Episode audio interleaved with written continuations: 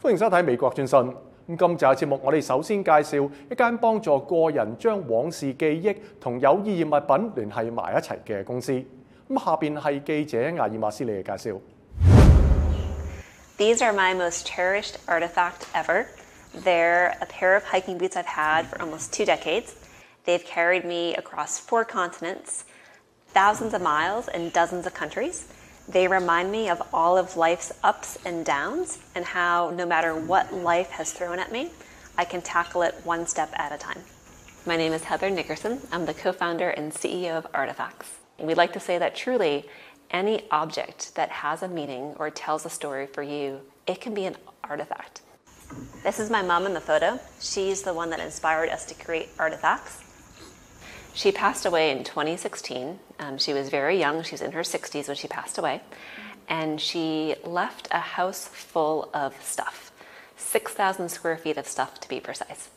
And my brothers and I wanted to keep the items that mattered most to her, except we had no way of knowing what those items actually were. Crystal, jewelry, china, artwork, those are relatively easy to figure out. There's, there's a monetary value there. But what we wanted to keep were the ones that had like the heart value, like what mattered to her. And I spent nearly two years doing a ton of research.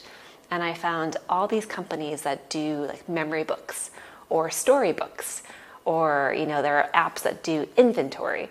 But there is nothing that allowed you as an individual to take your story, take your history, take the memory, and connect it with the object. And then also note, like, what do you want to happen to this object at the end of the day? So at that point, when I realized there's nothing else really out there like this, um, really thought, like, all right, this is something I want to do. I want to build this company that lets people connect the stories, the histories with the stuff. And we, we incorporated artifacts.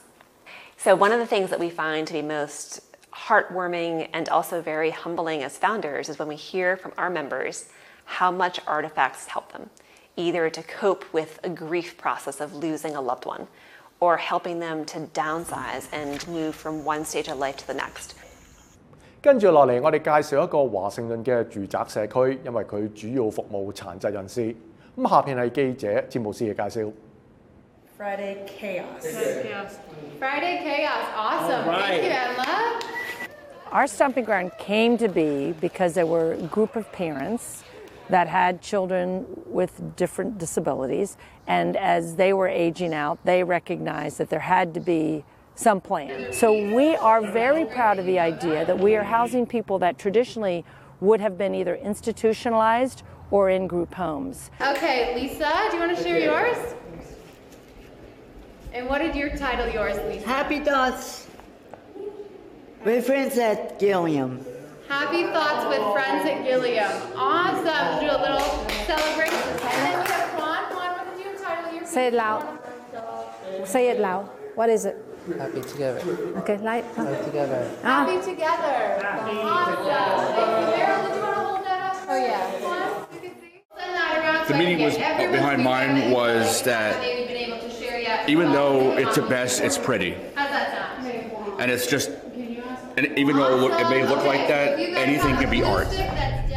And we're, we're really not saying there's anybody that cannot be housed. With the right supports and with the right community around them and with the affordability figured out, um, with some people that can come in to make those other support needs, we really believe that anybody can be housed.